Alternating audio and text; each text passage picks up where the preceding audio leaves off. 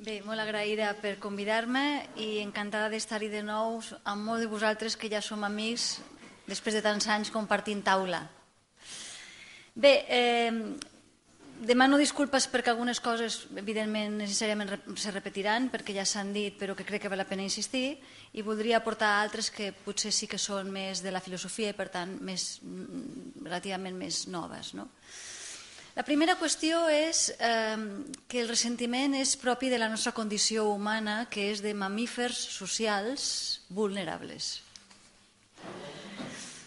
Eh, això vol dir que forma part del nostre ser humà el que tindrem, tenim i hem tingut ressentiments per la nostra condició de ser éssers socials, mamífers, és a dir, neixem en comunitat i feribles, fràgils, ens fem ferides i per tant ens fem mal i fem mal. El ressentiment, per tant, és una acció, és l'acció de ressentir-se del mal que algú m'ha fet i que inevitablement, inevitablement genera patiment. Ara bé, entre les definicions de, de ressentiment, a mi m'agradaria recordar que eh, quan una persona està ressentida d'una malaltia física, si partim d'una antropologia dual de cos i ànima, dic, és que m'estic ressentint del reuma, m'estic ressentint de la cama trencada avui que ha plogut, no? Eh, el ressentiment fa flaquejar i perdre forces. Això ho tenim molt clar quan m'estic ressentint d'aquest refredat o m'estic ressentint, però és que això, aquest perdre forces, fer flaquejar, també ho és de forces vitals el Jordi abans parlava del desànim, no? de, sí, efectivament fa, fa, fa perdre forces vitals. Però a més a més, aquest ressentiment més, diguem més usual, de sentit més comú, més compartit, també implica uns sentiments d'enuig, de pesar i, per tant, d'hostilitat. I el contrari de la hostilitat és l'hospitalitat. I el contrari del ressentiment és la serenitat. Evidentment, per tant, el ressentiment és una cosa dolenta, hm? perquè fa mal, i el propi és intentar lluitar contra aquest dolor, si més no pal·liar-lo. Perquè fa mala vida. El ressentiment genera mala vida al que el pateix i al que genera responent a aquest patiment per defensar-se. Hi ha dues possibilitats de batallar contra el ressentiment. Una és la intel·ligència, Basta amb que siguis intel·ligent perquè te n'adonis de que no val la pena anar per la vida ressentits. I per tant aquí estaria una dimensió més terapèutica. Mm, cal treure'ns els ressentits, evitar els ressentiments, perquè eh, no dona bona vida. Però jo no faré aquesta lectura només, que m'interessa també. Eh? M'interessa la bona vida, la serenitat, però no només per la intel·ligència, per tant, per la dimensió racional, perquè el ressentiment és, et fa mal tot, el cor, l'ànima, la passió i la raó, sinó que m'interessa més la lectura de la ètica, que és una reflexió crítico-racional també amb desig d'intel·ligència emocional. No? Dit això, eh, quan nosaltres m'agafo només dues expressions bastant conegudes. No? Per exemple, quan el Serrat canta allò de entre esos tipos y yo hay algo personal, és que en el, en el ressentiment sempre és algo interpersonal. És sempre una qüestió social. Sempre. Malgrat que sigui un patiment molt íntim i molt personal, sempre és entre esos tipos y yo hay algo personal. És sempre una qüestió de mamífers socials.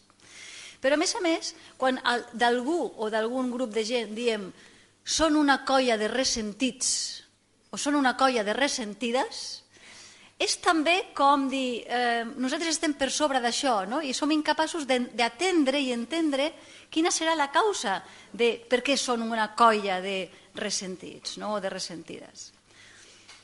Fet, fet, fet aquestes precisions i per tant centrar-me ja en allò ètic, Anem a les preguntes. En alguna maturaré més, en altres menys. La primera, com adonar-nos adonar-nos i, per tant, prendre consciència de ressentiments que patim. Que patim. Doncs aquí, precisament, A vegades el dolor sí que pot ser més o menys conscient. El que sol ser més inconscient és la causa que el genera. De manera que ens adonem del ressentiment no diria només perquè fa mal, i per tant sentim un odi, una rancúnia, un desassossec, un malestar, una solitud, però resulta que no sempre sabem quines són les causes que genera. Com adonar-nos? Aquesta, aquesta frase la diré molt. Cal fer un relat. Cal fer un relat cap a la verticalitat. Cal anar al fons, cal tocar fons. I això implica coratge. Però és que, en comptes de fer això, el que fem, i per tant no ens adonem de les causes, és que vaig buscant gent que em doni, com deia també el Jordi, la raó. Mm? I per tant vaig buscant unes amistats contra qui compartir ressentiment. Eh, perdó, contra algú amb qui compartir ressentiment. Per tant, eh, com deia el Vázquez Montalbán, no? contra Franco vivíamos mejor. No? Som capaços de generar causes contra les que ens unim i, per tant, creem relacions d'amistat basada en l'enemistat. I quan no hi ha enemistat comú,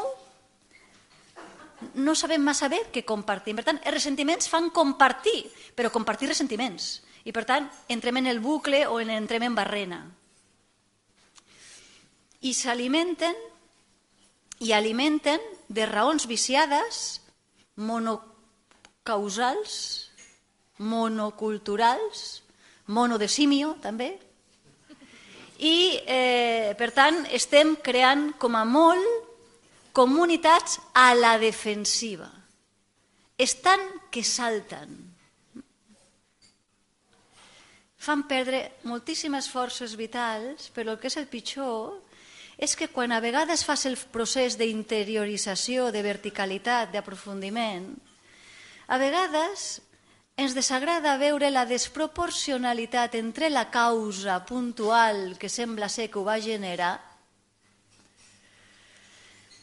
i l'extensió eh, horitzontal de la ferida.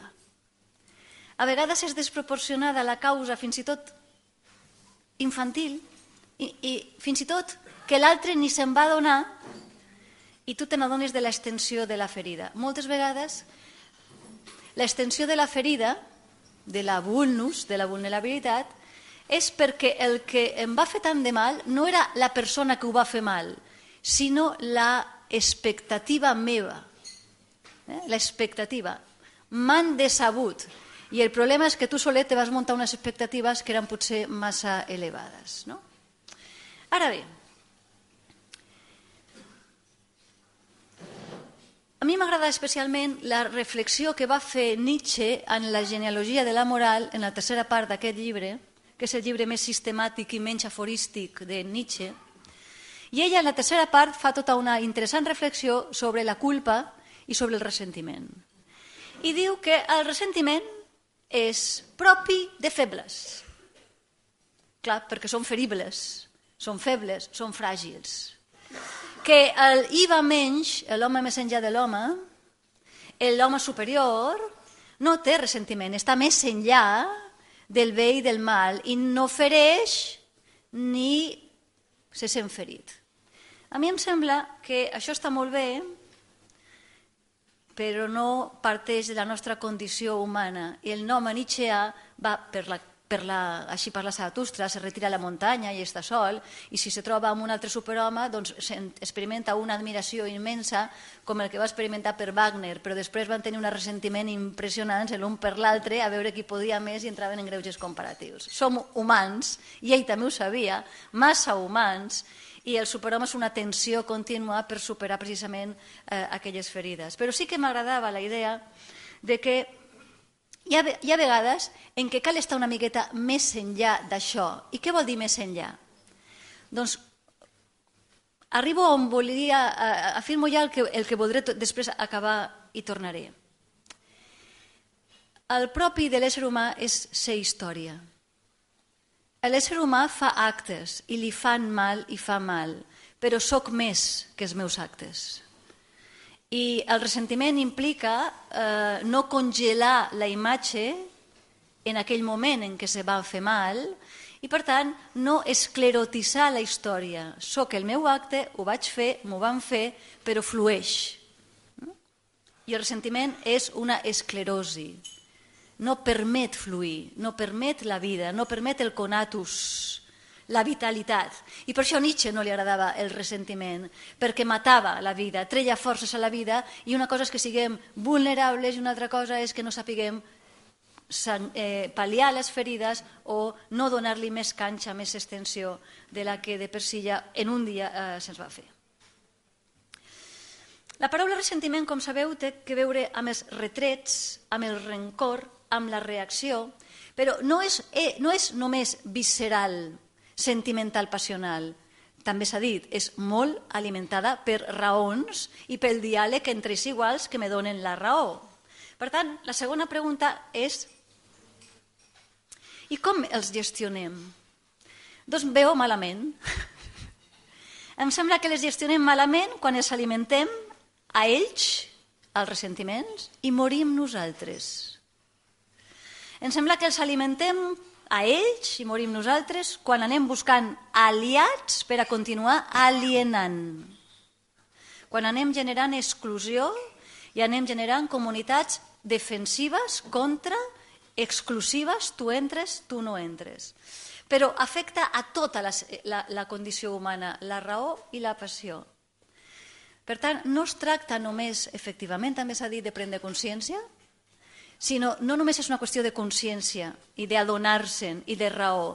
A vegades és també de no saber què em passa, però me hierve la sangre, diuen, no?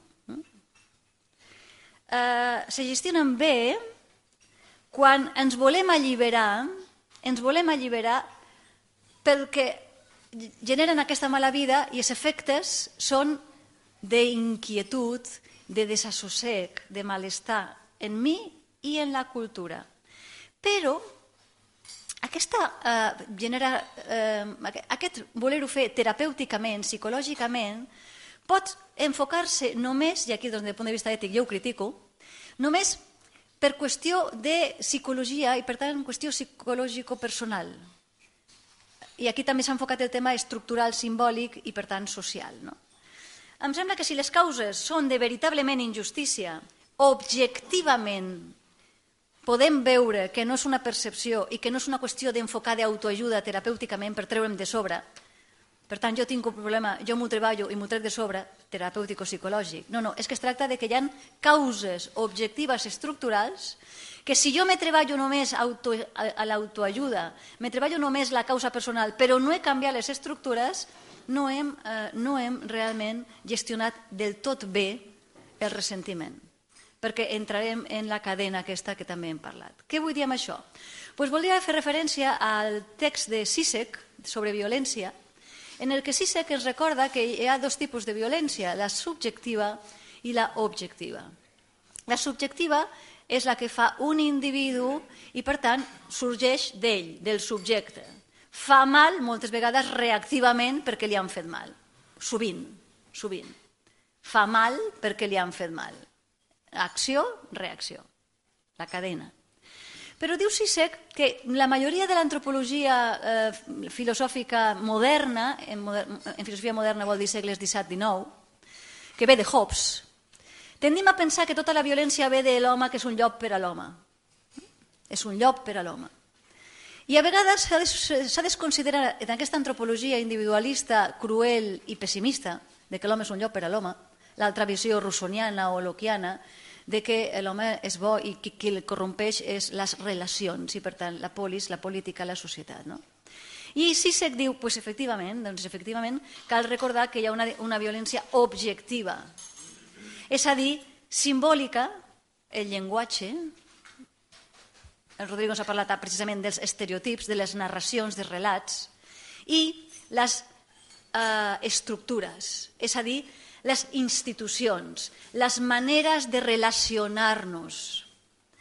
A mi em sembla interessant de que quan hem de gestionar ressentiments no només hem de fer-ho des de la vessant psicològico-personal, subjectiu i un treball personal, sinó que cal fer-lo fonamentalment des del llenguatge que compartim, des de, la simbòlic, des de lo simbòlic i des de les estructures i, per tant, institucionalitzant relats que, que siguin més fomentadors de, de eh, reconciliació. Jo faré servir més aquesta paraula que perdó, després ho diré per què.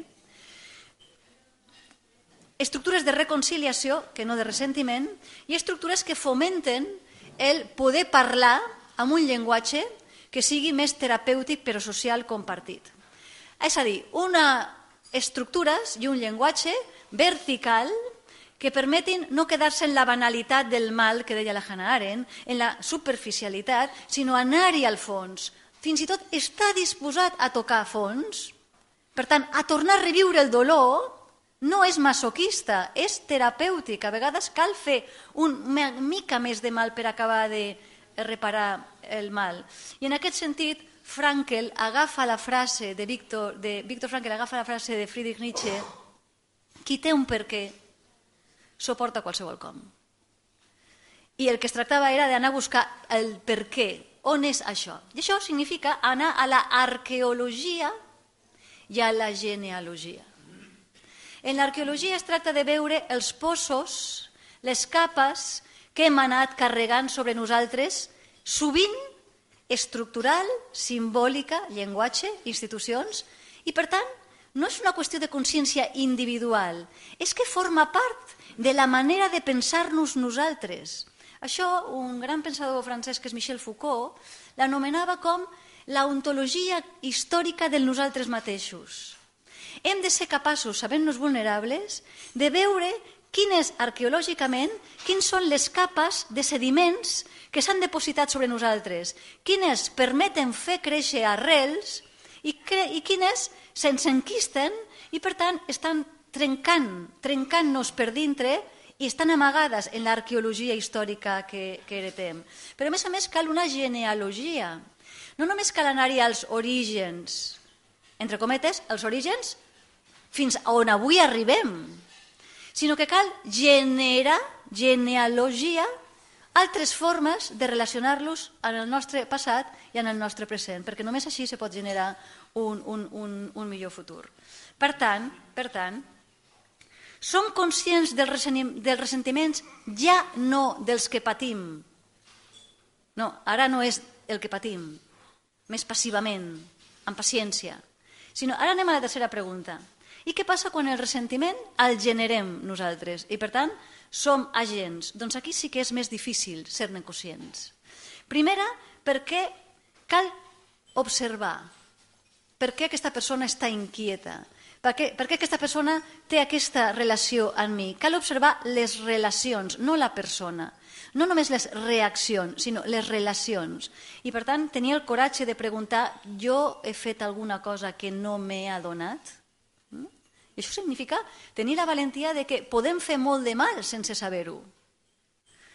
Però no només perquè el part de lesions físic es veu, la ferida física es veu, és que les ferides en l'ànima no es veuen i l'últim que farà el ferit és mostrar-te-les perquè creu que augmenta més la seva capacitat de que el fereixis. I això significa generar un tipus de relacions de confiança apropiada. I apropiada vol dir la pròpia, la que ens fem mútuament en aquest anem a atrevir-nos anem a, atrevir a parlar-ho. I això significa tenir molt de coratge per estar disposat a ser no només víctima, que és més o menys més relativament més fàcil, sinó a ser agent, a infringir el, el, el, el dolor. No? A vegades no estem gaire atents a la nostra capacitat de fer mal, fins i tot el fem sense voler, però és que a vegades estem encantats de conèixer-nos, i som incapaços en, la nostra narcisisme, en el nostre narcisisme i en la nostra benevolència creure que és l'altre el que té un problema d'interpretació.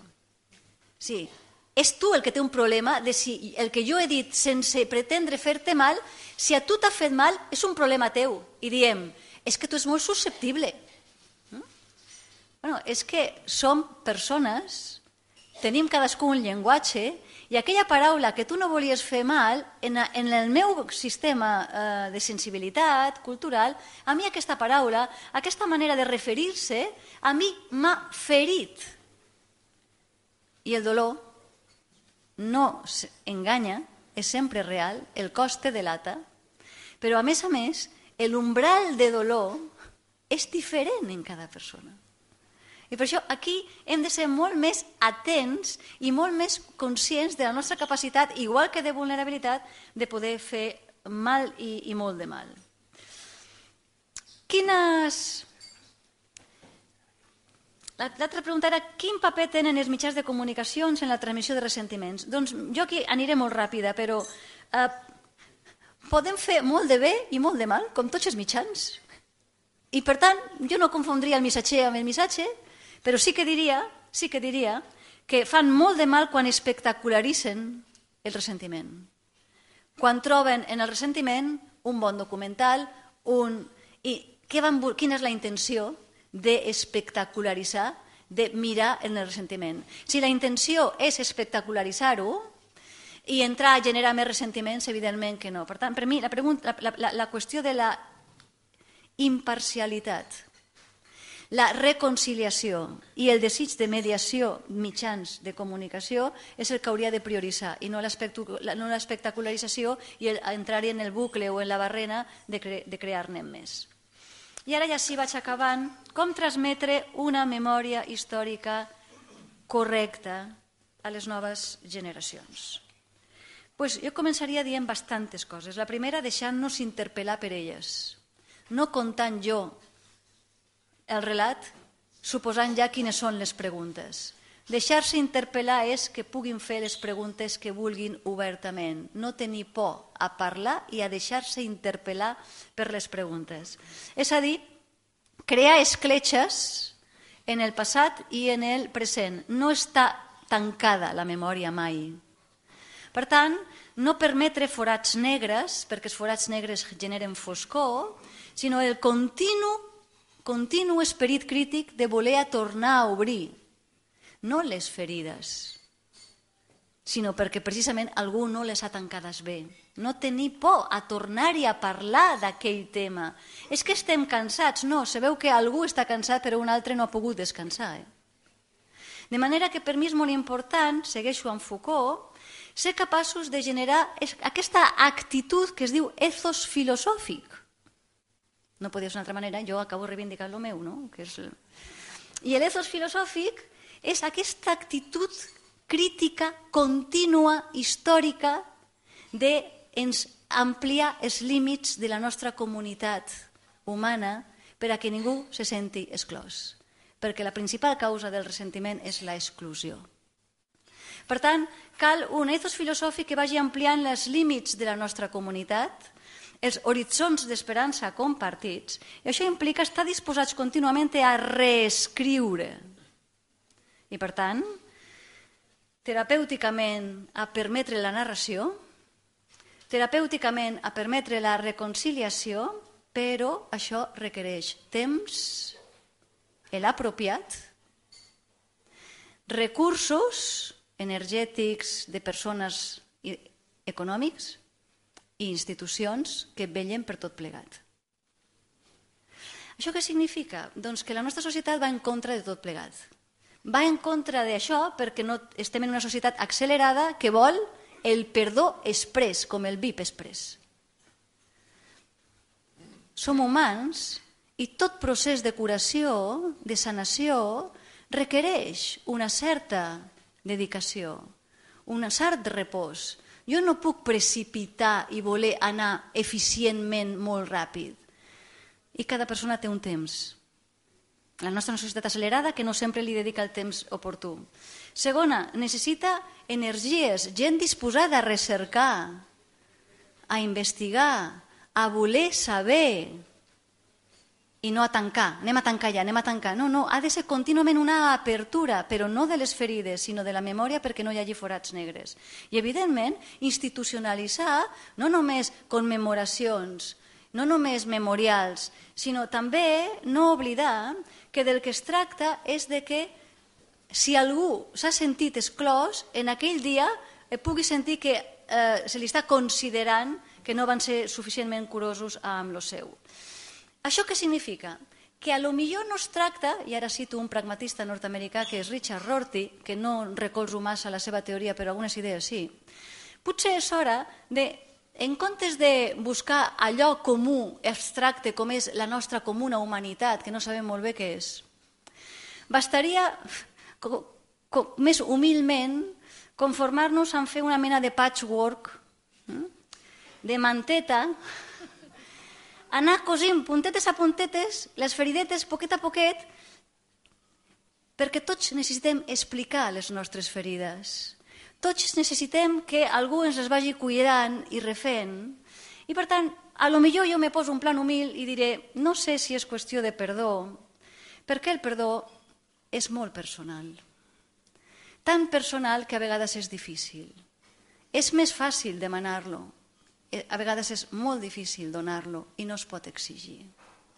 Però la reconciliació per la nostra condició de mamífer social sí que es pot políticament exigir i èticament exigir. El perdó no es pot políticament exigir perquè és molt personal, de consciència, molt íntima, i tampoc es pot exigir eh, eh èticament, però sí que s'hauria de fomentar i facilitar.